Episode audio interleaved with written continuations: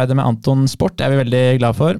De har butikker i Asker og i Bærum og i Stor-Oslo. Så meld dere inn i Anton sin kundeklubb nå og få bonus på ordinære priser, i tillegg til mange gode medlemstilbud. Så er det mer informasjon Even, på antonsport.no. Ja, Det er bare å besøke sin lokale Anton Sport-butikk for de kuleste merkevarene og den eventyrlig gode servicen. Og da er det nok snakk.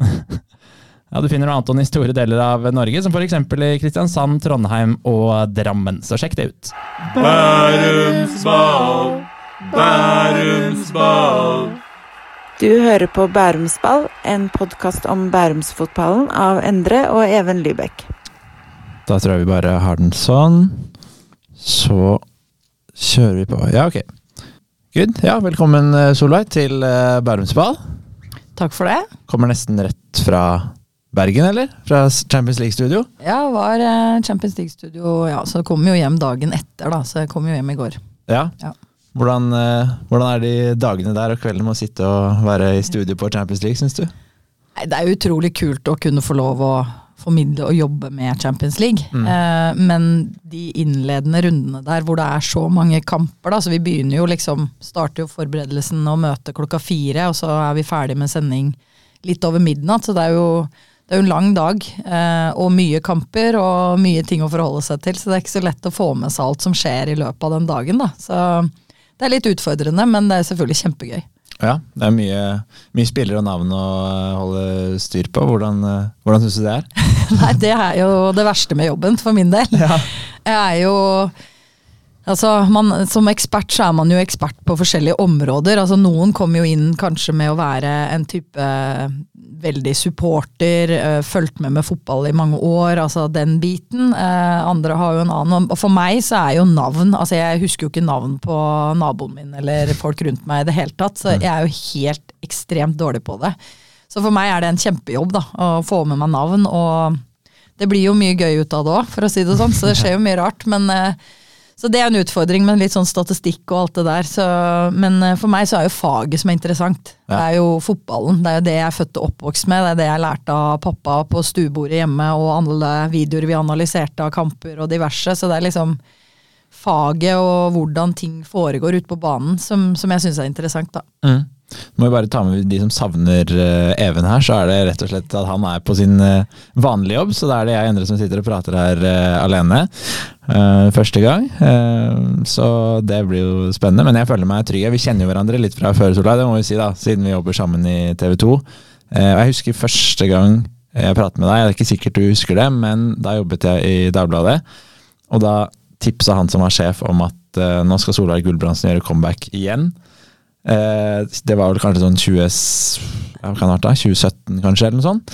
Og så da sa jeg ok, da hører jeg. Og så ringte jeg til deg, og så, så sa du at eh, ja, det er veldig hyggelig at du ringer, men det stemmer ikke. Husker du det? Jeg husker det òg. Ja, det, det har vel vært eh, en del comebacks, så det er vel litt sånn Ja, folk tror det skjer oftere enn det de faktisk gjør. Men, men ja, nei, da var jeg ferdig. Ja. Så det, men jeg hadde jo noen kamper, jeg har jo hatt noen kamper for eh, andrelaget til Kolbotn Ja. eh, i andredivisjon, eh, som som har vært litt sånn at det, noen har trodd det har vært comeback, eh, men det har absolutt ikke vært det. Det var noe mangel på spillere, og de spurte om jeg kunne stille opp og vært litt sånne ting. Så, ja, så det har jo vært eh, noen bidrag som vikar, som også ikke kan kalles comeback. Ja, hvor mange comebacks har det blitt totalt? Det er vanskelig å telle, egentlig. Eh, fordi noen av de som blir kalt comeback, har også vært planlagte. Eh, så da har det egentlig bare vært at jeg har hatt en pause. Så det er jo også litt sånn ut ifra det. Men eh, nei, jeg veit ikke, altså. Det er vel en eh, Det bør vel være en eh, Hvis vi teller med alle de pausene òg, så er det vel en fem-seks stykker, tipper jeg. Ja, eh, du spilte jo her på, i Stabekk eh, en stund. Har du, har du vært på bibliotek her før, kanskje? Nei. Nei, jeg har ikke vært så mye på biblioteket. Det har jeg ikke. For det ble jo to, eh, to perioder her i Stabekk for eh, din del. Hvordan husker du tilbake på de periodene på Nadderud?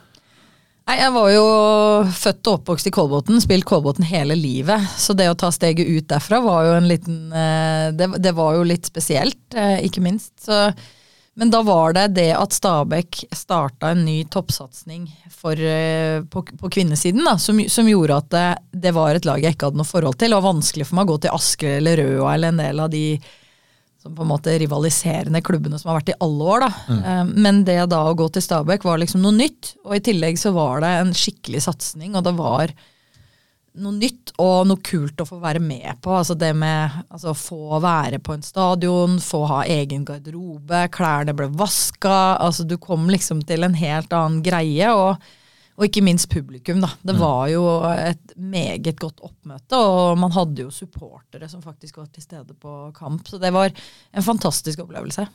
Og så har vi jo Rikard Jansen eh, som var tett på den gangen, som er tett på nå. Hvilken rolle på en måte har han spilt i de overgangene inn til Stabæk opp igjennom?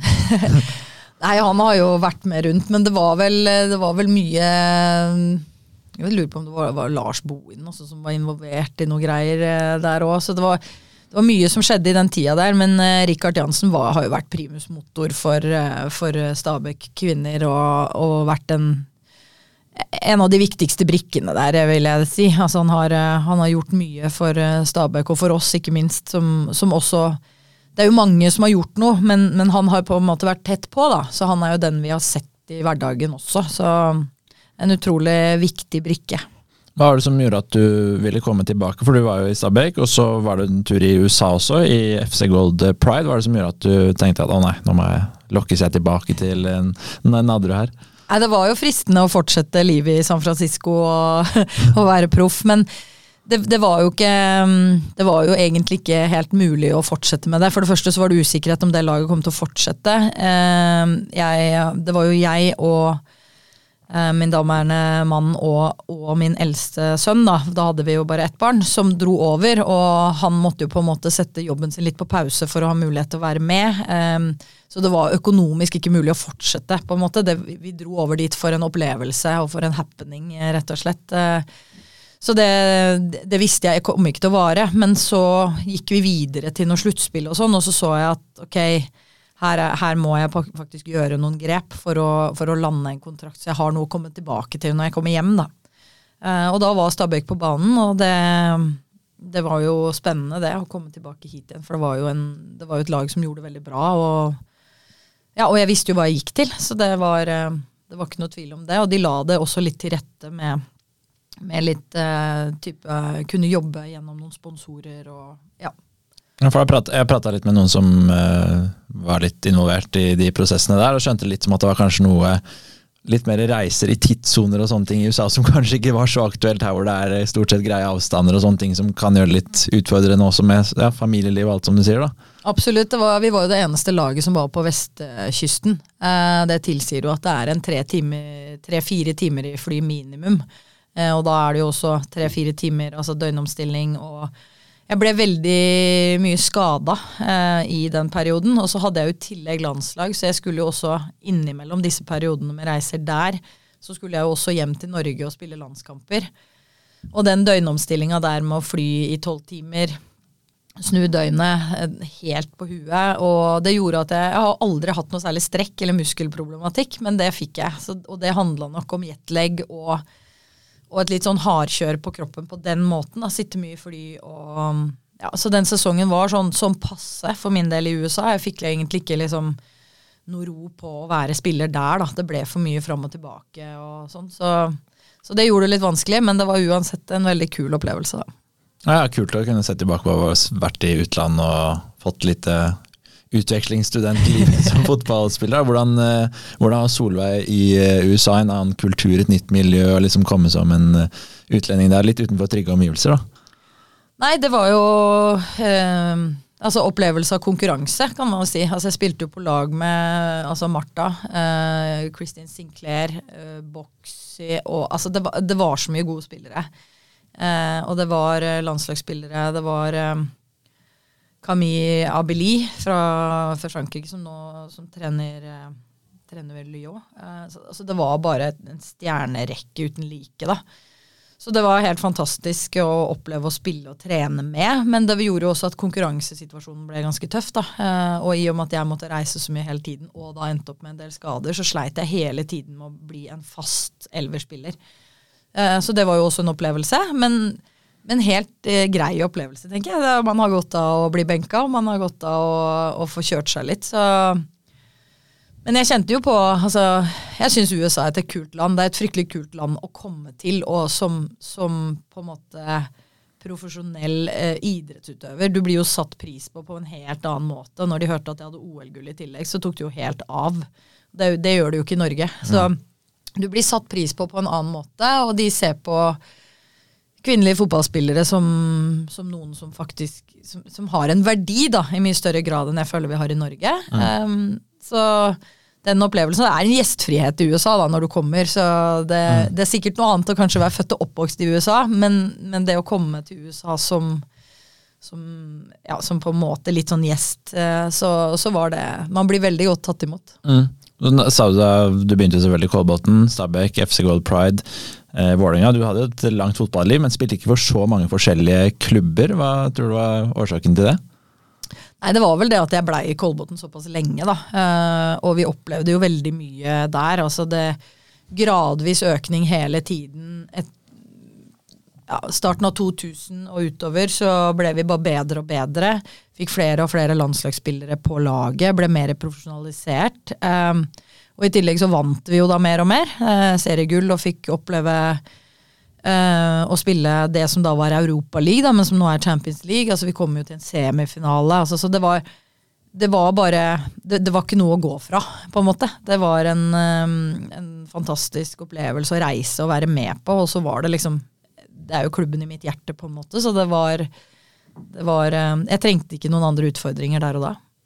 Du har jo vunnet uh, NM-gull, uh, seriemester, OL-gull, som du sa. Ja, det tenkte jeg på. Du sa de fant ut at jeg hadde vunnet OL-gull, og da de, visste de ikke det fra før i USA? eller? Ja, jo, altså de visste jo det, men det var liksom sånn generelt. da. Okay. Altså folk, folk, rundt også. Okay. Altså det, ja. Olympic champion? Ja, det er, wow. Det er wow. Ja, jeg snakket også med noen venner om at vi skulle ha det her. Så var det sånn Sola Gulbrandsen, ja, de fleste kjenner jeg jo nå fra, fra, fra, TV. Og så var det sånn, ja, dere vet at hun har 183 landskap, da er det noen som bare Hæ? Serr?! det er jo spinnvilt mange landskamper. Det er vel bare Hege Riise som har uh, flere.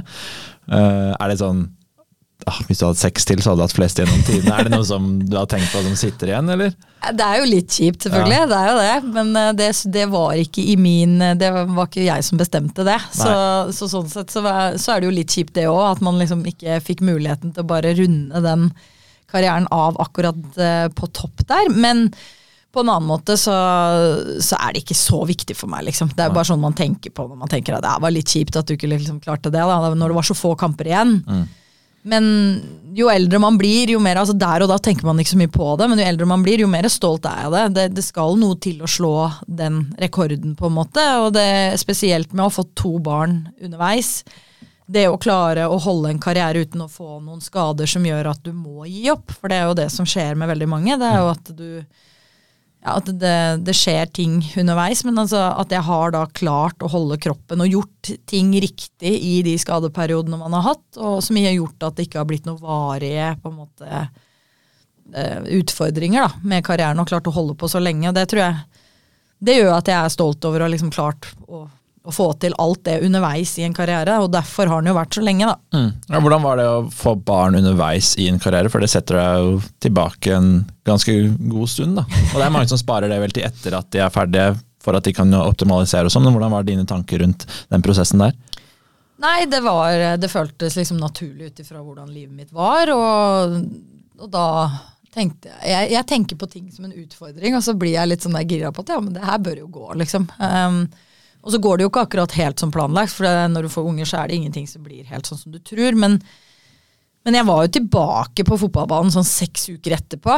Eh, men i ettertid så har jeg skjønt at jeg var jo feit og treig. så jeg syns jo det gikk greit sjøl, men eh, jeg ble jo flytta som spiss. Jeg var jo midtbane og ble spiss. Jeg ble litt mer sånn tanksenter, tror jeg. Så eh, target på topp, eh, og det har jo noe med det å gjøre. Men det var ikke så mange rundt som egentlig hadde så mye erfaring på hvordan man skulle gjøre det, hvordan man skulle trene etterpå, oppfølging underveis i, i graviditeten. Så det, sånn sett så er liksom Jeg syns jeg klarte det ganske bra ut ifra hvor lite vis, jeg visste, og man visste egentlig hva man burde gjøre, eh, sånne ting. Så men, eh, men, selvfølgelig, det var jo ikke Det skøyt jo ikke karrierefart rundt de åra der. Det gjorde det absolutt ikke, og det satte meg jo tilbake. Um, men runde to så gjorde jeg det jo bedre. Da hadde jeg litt mer erfaring, så det hjalp jo litt på. Men da hadde jeg vel egentlig planer om å legge opp. Så da hadde jeg tenkte at to barn, da går det jo ikke. mm. Er det sånn mm, som det snakkes mye om i eh, kvinnefotballen, i garderoben og miljøet og sånn?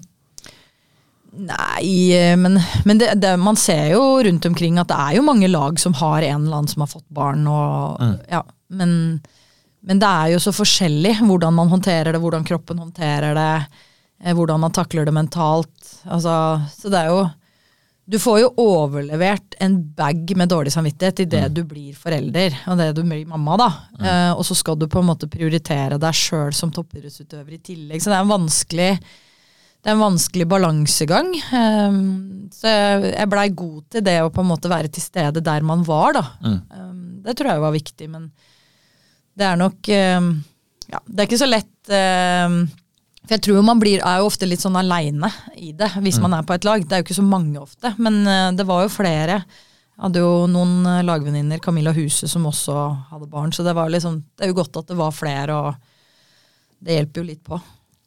Så har du jo selvfølgelig øh, hatt en veldig bra karriere da du, da du, spilte, selv om du var litt ute da du hadde barn. Eh, vi har snakket med litt forskjellige folk her selvfølgelig om hvordan de husker deg som spiller. Det, det, noen sa, var at de syntes du hadde et ekstremt høyt høyeste men også et skremmende lavt laveste nivå. Var det noe du måtte tenkte på selv? At, hvis du først hadde en dårlig dag, var det sånn Oi, shit, det her var skikkelig skikkelig dårlig, og så når du var god, bare oi, det her er verdensklasse, liksom?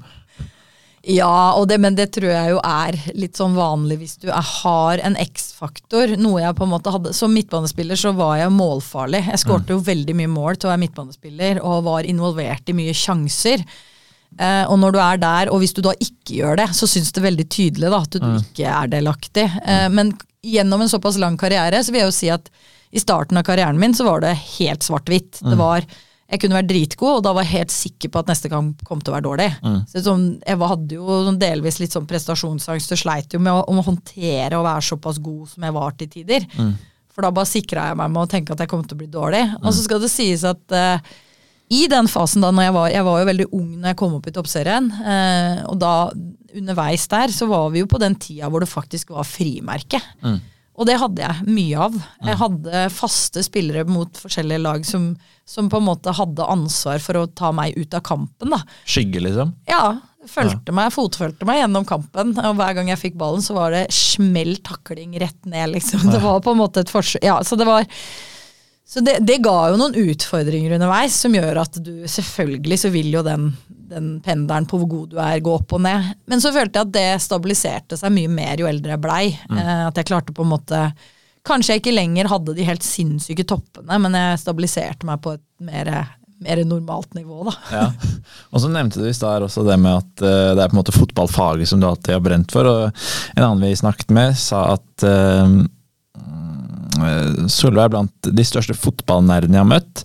Eh, på landslagssamling tror jeg ikke jeg har hørt henne prate om annet enn taktikk og spillestil.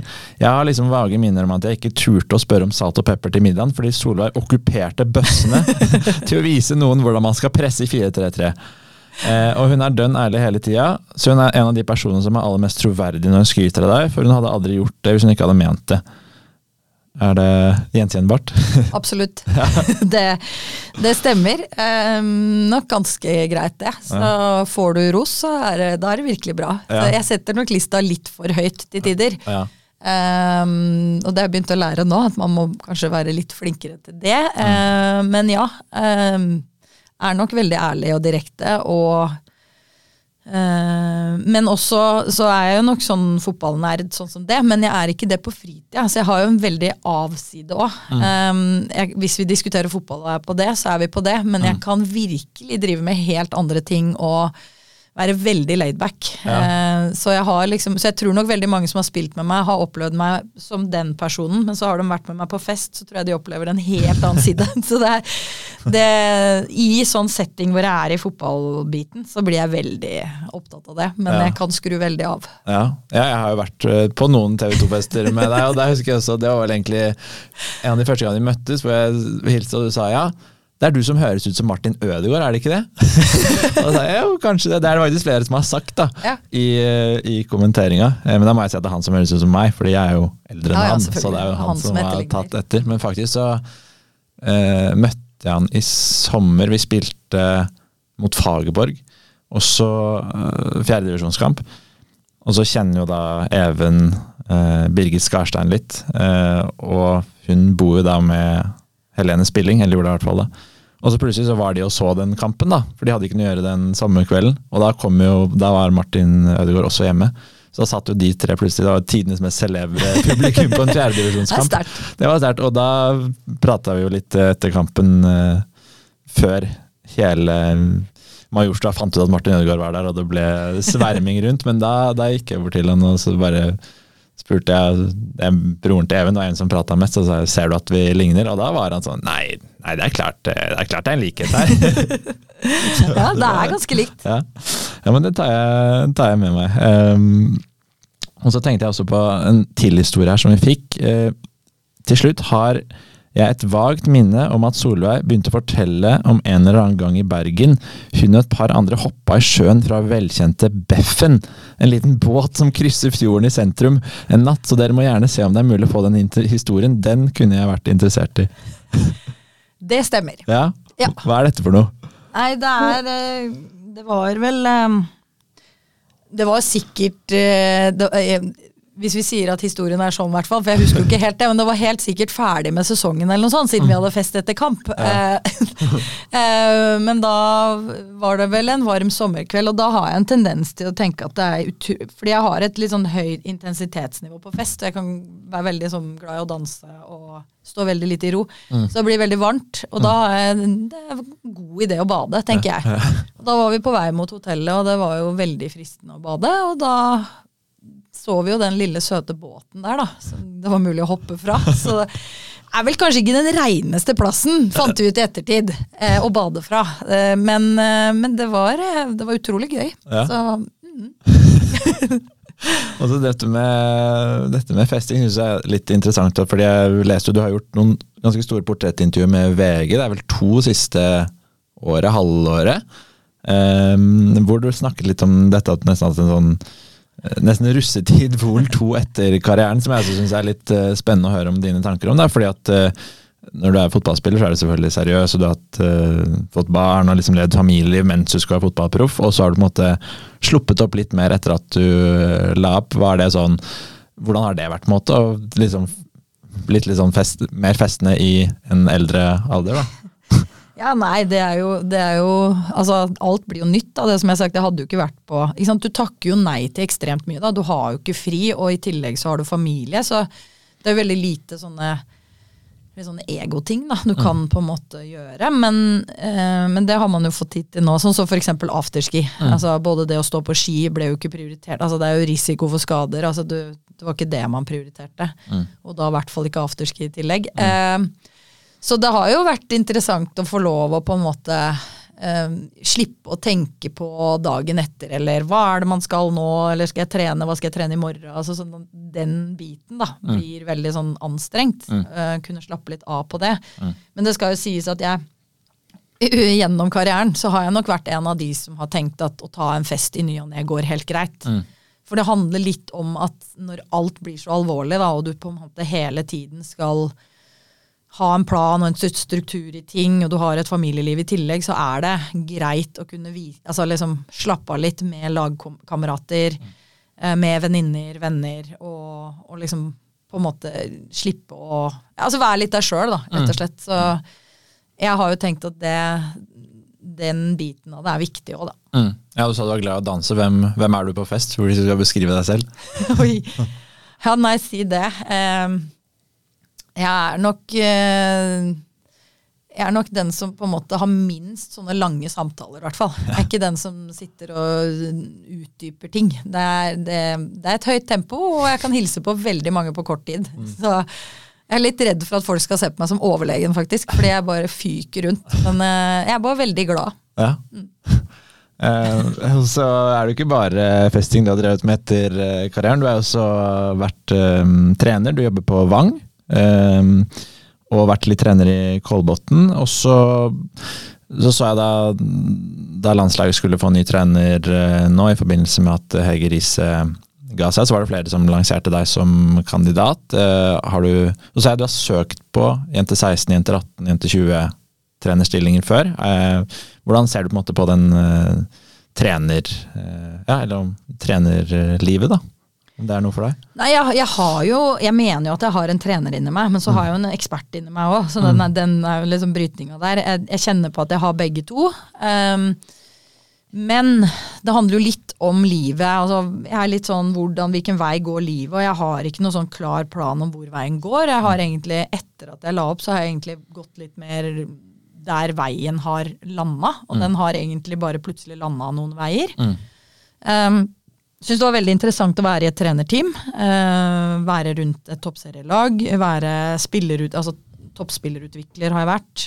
Jobba med unge spillere på Vang. Um, så alt det her er interessant, og jeg, jeg syns det er spennende. Uh, men så handler det litt om uh, hvor mye jobb du må gjøre, og økonomien i det. Um, det å på en måte være klubbtrener er altoppslukende. Det krever ekstremt mye. Um, livssituasjonen min er litt sånn at det passer kanskje ikke så bra akkurat nå å være klubbtrener. Så derfor var det kanskje litt interessant å se litt mot landslagsbiten og yngre landslag. Jeg tenker at jeg har såpass mye erfaring at det er jo en, en vei å gå. Så, men uh, har ikke nådd opp dit uh, per nå, da. Um, så får man jo se seinere. Nå er jeg veldig veldig fornøyd. Jeg trives utrolig godt med å være ekspert. Jeg syns det er spennende. Um, og ikke minst utfordrende å være på den andre sida, på en måte.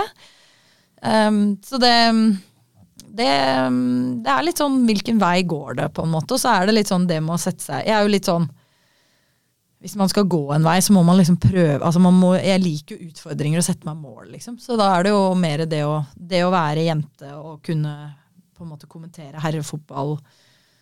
Kult å vært jente og kommentere herrelandslaget, f.eks. Mm. Altså det jo, kunne jo vært et mål man kan prøve å oppnå. Eh, og så som trener da, så er jeg litt sånn Ja, trene toppserien hadde vært kult, men det hadde vært utrolig kult å vært i et herremiljø òg. Vært eh, i, altså, i et trenerteam på herresida. Mm. Um, så jeg er litt mer der at jeg har lyst til å ikke bare gå den rette veien som bare man tenker er naturlig å gå, da. Mm. Men, um, men, utvikle seg og ta utfordringer og prøve nye ting.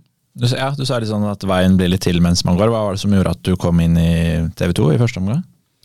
Jeg hadde vel vært litt sånn gjest eh, opp igjennom, sånn i ny og ne på noen fotballekstrasendinger og ble vel henta inn hvis det var noen, noen damekamper her og der som de trengte eksperter eller kommentatorer til. Så var det litt sånn Ja, ble brukt som litt gjest i starten, tror jeg. Mm. Så når jeg da, de gangene jeg la opp, så var jeg litt mer inne et par ganger på litt sånn gjesteopptredener.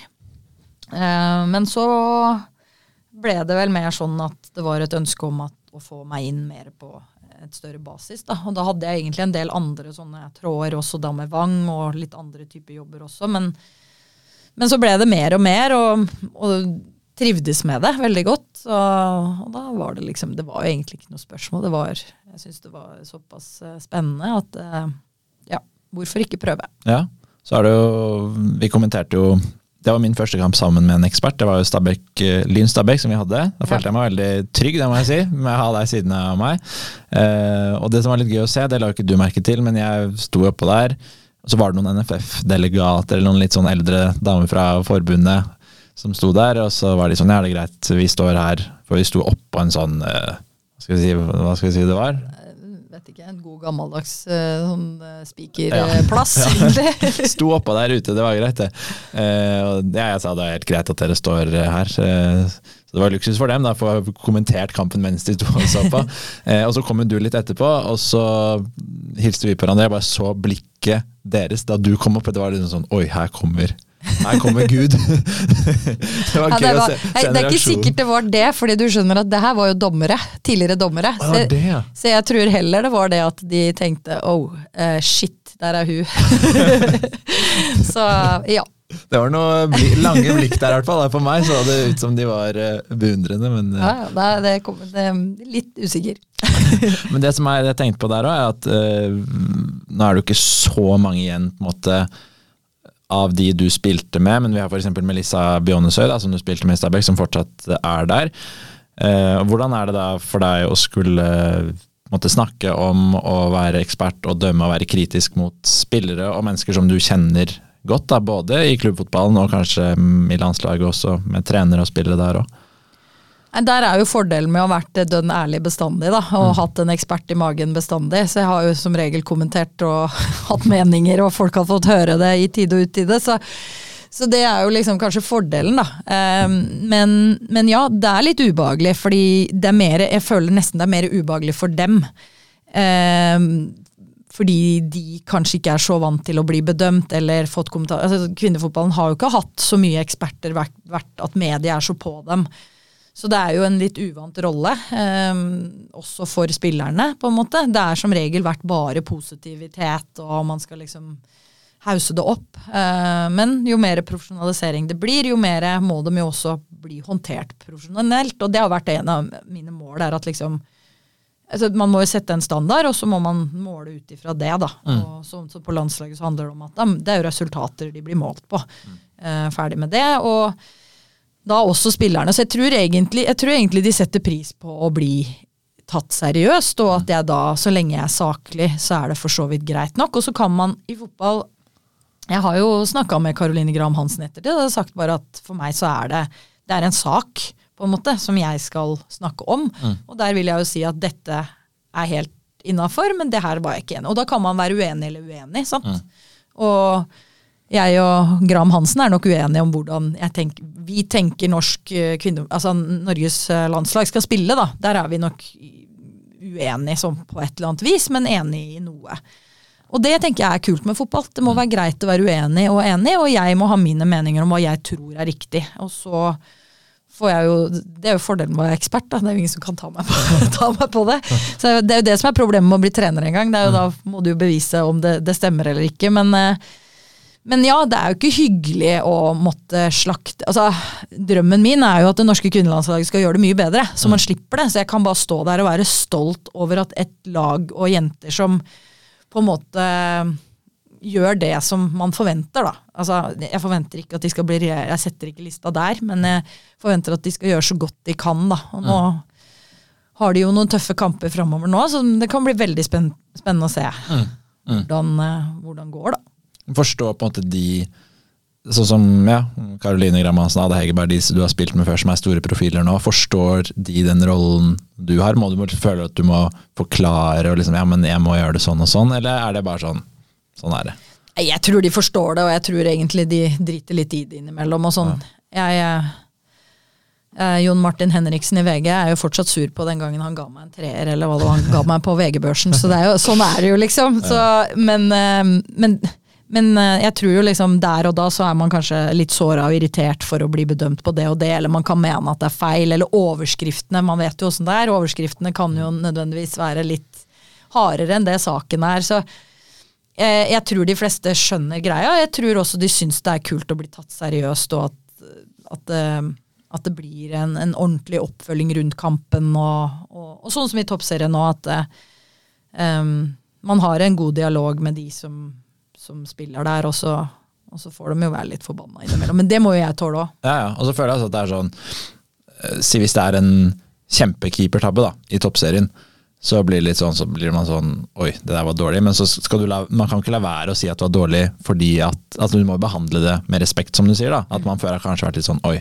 det der var skikkelig dårlig, men vi trenger ikke å si det, for da føler man at man driter henne ut. Men bare sånn Jo, men du må si at det er dårlig, samtidig som man kan hylle når Graham Hansen dribler seks stykker og skårer for Barca i Champions League. Absolutt, det må tas seriøst på en lik linje. Det er en mm. fotballkamp. Er det en dårlig involvering, så er det en dårlig involvering. Er den bra, så er den bra. Og det eneste man kan unnskylde keeperne med, er jo rekkevidde på høyden. Altså at man rett og slett ikke har muligheten, kanskje, da. Hvis du er en, nærmere 1,70, så mm. har du noen begrensninger på rekkevidden. Og det mm. vil, eh, vil, være vanskelig å rekke over hele målet, på en måte. Så, så, det er jo greit, men altså klumser du inn ballen, så sier man jo det på herresida. Da skal man jo si det på damesida. Mm.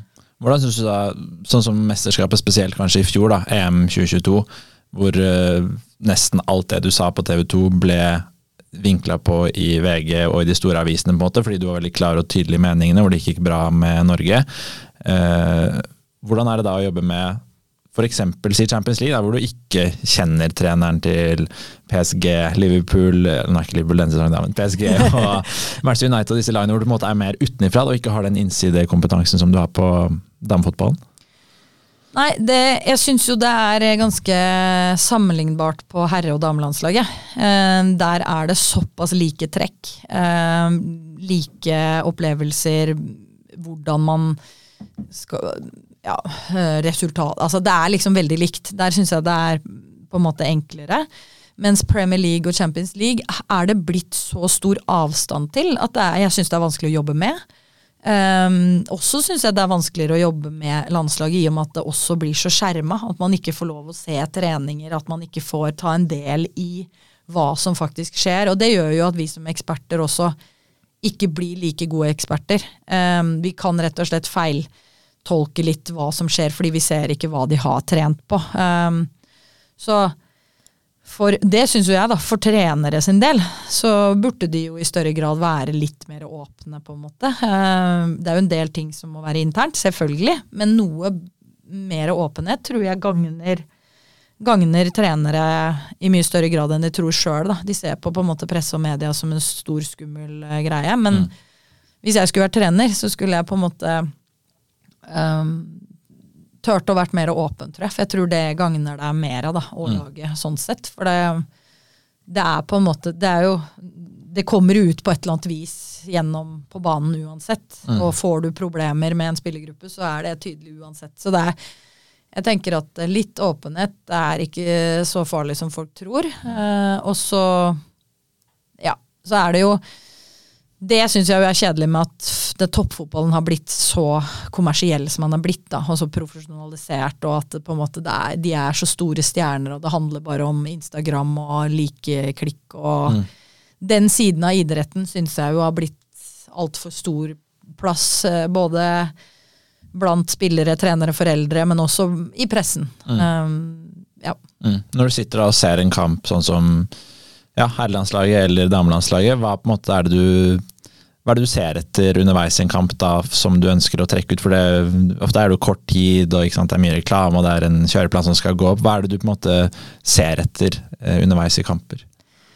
Um, det kommer jo an på hvem det er da, og hva man skal se etter. Men, uh, men hvis det er herre- og damelandslaget, så ser du jo etter hva er det de prøver å få til offensivt. Er det noe rød tråd fra forrige gang? Um, blir det bedre, eller er det tilfeldigheter hele veien? Um, og hva, hva, jobbes det med defensivt? Er det noe kontroll på det de gjør, eller er det også til, for mye tilfeldigheter, da?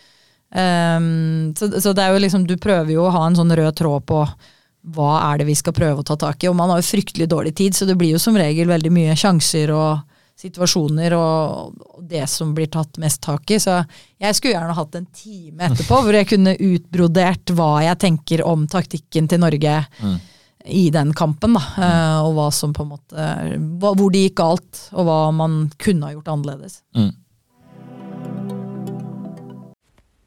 Ja, Vi har med Anton Sport som sponsor i Bærumsbad, det er vi veldig glad for. Nå begynner det å bli kaldt ute, altså, men da er det godt å vite at det er Black Week på Anton denne uka her. Da kan du få alt du trenger av eh, jakker, sko, superundertøy, votter, eh, alt mulig for å overleve i kulda.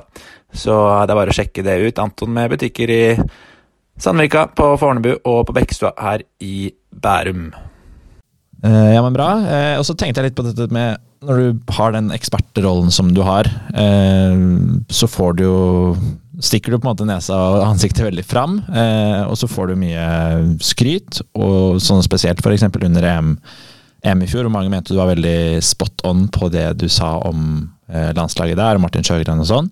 Eh, men så får du selvfølgelig også mye kritikk. Eh, hvordan på en måte forholder du deg til ja, tilbakemeldinger i sosiale medier og liksom alle som slakter deg, da?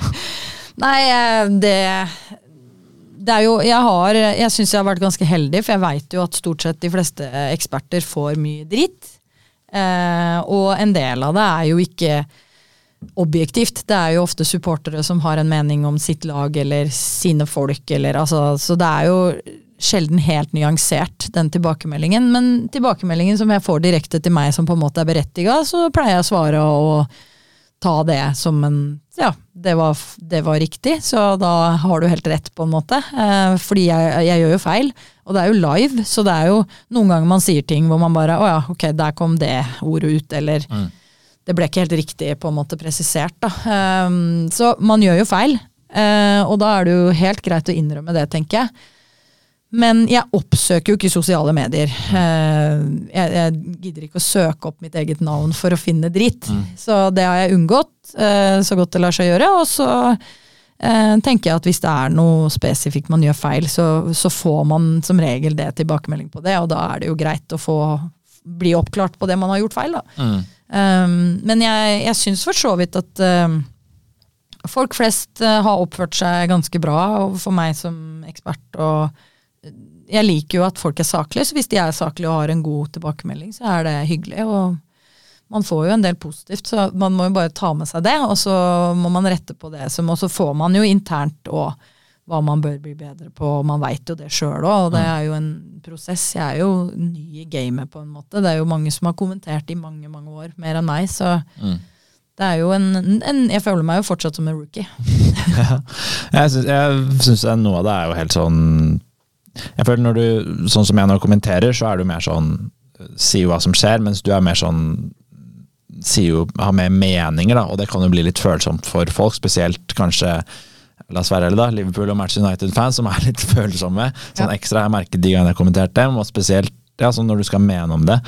Eh, og så bare stalka jeg deg litt på sosiale medier, og så så jeg bare noe jeg syns var det, liksom på Twitter og på en måte ja. den proffe delen av deg, men så, og så er du på en måte en på Instagram, det er jo Der legger du ut mye forskjellig, da, men da så jeg du hadde lagt en sånn takkehilsen i forbindelse med 40-årsdagen, eh, hvor noen da kommenterer du kan feire med å slutte å ødelegge fotballsending med, med det hjernedøde pisset ditt. Altså kommentere det på Instagram. hvordan liksom, er du sånn, Ser du det, og så er du bare sånn Ok, det driter jeg i, eller er det sånn Går det noe inn på deg? Altså Hadde det vært mye av det, så kan det jo hende at det går inn på deg sånn der og da, eller hvis det treffer på noe. Men akkurat det der føler jeg er såpass usaklig at det, eller sånn, det, er, det er ikke noe sak, da. Um, da. da. kunne jeg fort ha spurt liksom hva mener du? Mm. Hva er piss, mm. og hva er det jeg ødelegger? Mm. Og det kan jeg fort svare, da. Mm. Altså, det på en måte Ja, jeg fikk jo kritikk at jeg hadde en hølete bukse en gang, og den tar jeg jo litt på meg, for det var jo kanskje ikke helt jeg trodde jeg skulle bare ha eh, fra, fra livet og opp-bilder, eh, eller eh, ja. Og den tok jeg, så den tok jeg, men da fikk jeg også sånn der Er ikke du 40 år gammel dame, skjerp deg, ja. Eh, liksom. Og da var jeg sånn, ok. Helt enig at det var feil buksevalg, ja. eh, men at ikke jeg som 40-åring kan gå med den buksa, det har ikke du noe med. Liksom. Det er faktisk mitt valg, så, da, så det får du legge bort. Men, eh, men ja, så det Nei, når det er usaklig. Men hvis jeg på en måte hadde blitt tatt på at jeg var for dårlig, mm. rett og slett. da, Hvis på, på, en måte mange ganger da, at jeg bommer på navn og på, ikke er eh, god nok på, på, visse områder, og det på en måte ikke blir et bra nok produkt, mm. da hadde jeg jo tatt det og tenkt at ja, da må jeg faktisk gjøre noe, noe med det her at ikke jeg leverer godt nok som ekspert. da. Mm. Um, men alle har jo sine sterke og svake sider, så jeg prøver liksom å ha fokus på det. Og så prøver jeg egentlig å jeg er nok litt sånn der at ja, det ikke bryr meg så mye om sånne ting som ikke er så saklige. Ja, ja, typisk en til usaklig som jeg fant. Skulle ønske jeg kunne skru av kampen. Fy faen, så kjedelig å høre på. Det, men det er vel litt sånn Ok, noen kan mene det, og så Noen mener det er dritbra. Jeg snakket med mange i Stabekk eh, og som kjenner deg, som også sitter at de ser på TV 2-sendingen og sier at de liksom blir stolte fordi ok, dette er Solveig som vi kjenner her, for hun prater om faget sitt. Så det er jo to forskjellige verdener nesten. Det, virker som, det er ikke så mange som er sånn fotballekspert. Helt grei, det er mange som er sånn litt sånn svart-hvitt, sånn som det var i din ja, ja. fotballkarriere. Enten var det dritbra, lavt nivå lavt, men at det er sånn, enten så digger de deg, eller så er det sånn nei. Helt håpløs. Ja, og sånn tror jeg det er med mange eksperter. Og det, sånn kan man jo ha det sjøl òg. Man har jo sine favoritter man syns det er behagelig å høre på, så er det andre man ikke syns er den typen man liker å høre på, liksom. Sant? Så det, det er, og det er helt fair. Mm. Hvis han syns det er kjedelig, så må han bare skru av, og da det var synd, da mista vi en seer der. Men, mm. men, så lenge det var én, da. Mm. Eh, det går jo an å skru av lyden, så ja. det er jo mulig. Men, eh, Ja, så det Men det er jo selvfølgelig Da kan man jo tenke over ok, var det så kjedelig, ga jeg ingen merverdi? Så kan man jo gå inn og tenke på liksom Jeg kunne jo spurt da, hva var det som var Hvorfor var det kjedelig, på en måte. Og Hvis det da begrunnes med noe, så kan man jo ta det med seg. Men hvis det bare er det er mange jeg har snakket med, eller som jeg har meldt med, som faktisk da kommer med noe konkret, og så blir de litt sånn Oi, unnskyld, jeg ble litt eh, for brå. Eller, altså at de faktisk tar seg i det etterpå. Ja. Er det noen gang du møter folk, altså sånn ute på fest, eller på liksom Det er vel folk ofte kanskje når det er litt senere på kveldene, som kommer opp liksom i fjeset ditt og sier fra hva de syns? Enten om det er positivt eller negativt? Um, Eller er det mest jeg har meldinger? møtt veldig lite negativitet ute Mm. blant folk, egentlig. Mm. det er mer positivt, vil jeg si. Så, og det er jo hyggelig, så det jo havner jo Havna jo nå på en flytur nå sist, og da begynte vi å diskutere. Det var noen, et eh, lag da, som jeg begynte å diskutere landslaget med. Så Mm. det var jo bare hyggelig å snakke fotball, liksom. Mm. Så Nei, det foreløpig slipper jeg unna det. Håper jeg slipper det òg. For det er jo det å møte folk som har Altså når du er ute og har fri, så er jo ikke det så hyggelig. Så det er jo Det å få negative tilbakemeldinger der og da, det er jo ikke sånn man, det, det vil man jo helst unngå. Mm. Nå ser jeg altså at på sosiale medier så er du jo aktiv både på Twitter eller X da, og Instagram og Facebook, men så er det gøy å se litt den linja du kjører, fordi Twitter så er det liksom det er en del fotball, og så plutselig kommer det mye om rykk og nakkskjøring og vikeplikt og, og sånn, og på Facebook også litt fotball, så plutselig blir det noe om mobilbruk og rus blant ungdom og leie av hytte. Eh, liksom, eh, hvor kommer det engasjementet ditt fra til å være liksom aktiv og mene mye om forskjellige ting? og liksom, eh, ja, Jeg litt, da. Jeg veit ikke, jeg mener jo mye, det er det som er greia. Og jeg engasjerer, jeg blir veldig fort engasjert i ting, så da, da, da går det jo en kule varmt. Så da går jo det litt utover sånne ting, da. Men nei, det er jo litt om hva man driver med i livet. Og sånn som for eksempel, nå har jeg jo barn og ungdom i hus, og det med skjerm er jo en stor del av livet. Og da Det spiller jo da også inn på liksom eh, det her med helsa til barna og det fotballbiten. Da. Hvordan skal folk bli gode i fotball hvis de bare sitter på skjermen òg? Altså den, den tida der hvor folk er ute og leker og kjeder seg, med ball, altså kjeder seg så de går ut og leker med ball, den er borte. Mm. Du finner liksom bare noen få av de. og jeg syns jo at samfunnet har, har begynner å gå litt i en sånn retning som jeg syns er litt skummel. da. Mm. Um, ting blir sikkert bra fordi det blir lina opp til at skjerm er viktig og sånn, men, men jeg, jeg trives jo med at folk skal være sosiale, og at man skal leke mer og gjøre mer ting. Så jeg blir fort engasjert i det som går rundt altså i mitt liv, da, som har noe med det jeg ser. da, Og det å være trener for barn og ungdom. altså Jeg trener jo datteren min nå, jenter tolv. Mm. Det er jo en utfordring i seg sjøl, så det blir, skaper jo engasjement. Så, men du har jo Uefa-lisens også? Ja. Ja. Uh, liksom, har du noe I fremtiden, sier du sa det var litt sånn vanskelig med livssituasjonen, men har du liksom en sånn trenerdrøm på sikt? Si hvis du bare er sånn ok, nå er, nå er barna voksne, nå har jeg ikke på en måte den, da skal jeg fullføre trenerdrøm, eller er det noe sånn? Ja, jeg må jo, altså For å være topptrener, så må jeg jo det, jeg henger, jo- det går jo så treigt med meg, sånn at jeg henger jo etter hele tiden. Når man måtte ha den Uefa A, da, så tok jeg jo den. Og nå har de skyva eh, liksom den eh, kriteriet for, for å være topptrener til Uefa Pro, så nå henger jeg jo etter. Så jeg, jeg rekker jo aldri å være up to, to speed. Men eh, så jeg må jo ta et kurs til, men da må jeg være hovedtrener. Og det er det som kanskje er Det er vel kanskje det som står igjen for min del, at jeg skal prøve å være hovedtrener. Og det har jeg litt lyst til å prøve, men spørsmålet er bare Det må passe, og det må gå rundt på hjemmebane og alt, da. Så det er jo en um, utfordring i seg sjøl. Men vil man det nok, så får man det jo til. Mm. Men akkurat nå så har jeg det fint sånn som jeg har det. Ja. Og så sa du i stad at eh, det kan bli mye skjerm på unge mennesker. Hvis de først tar opp skjermen, da, så kan du jo se Solveig Gulbrandsen, som har vært med på mye reality-programmer opp igjennom Firestjerners middag, Fangen på fortet, Camp Senkveld. Hva er det som eh, avgjør om du takker ja eller nei til på en måte tilbud til å være med på uh, reality-programmer? Ja, Det er ikke sånn at jeg blir nedlassa. Jeg ringes ikke hver dag. Absolutt ikke.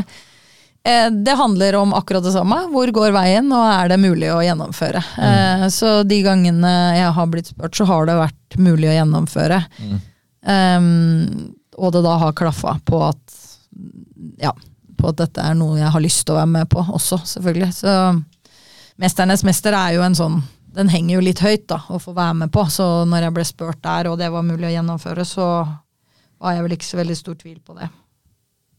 Framtiden, da? Er det noen eh, reality-programmer du drømmer om å være med på? Skal, ser vi deg Skal vi danse en gang? Det tror jeg blir et evig skademareritt på høy og sko, men eh, Nei, eh, jeg, jeg er liksom Det er ikke noe sånn jeg drømmer om å være med på.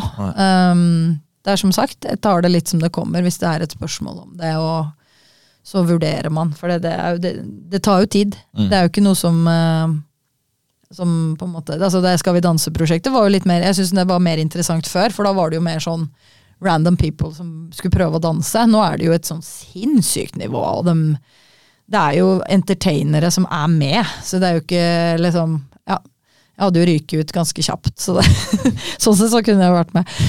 Men eh, ja, og så er jo sånn 71 grader nord og en del av de, da. Det er jo kaldt. Jeg er jo ikke så glad i å drive og være ute på tur i kuldet, så telt og sånn er jo litt ukomfortabelt.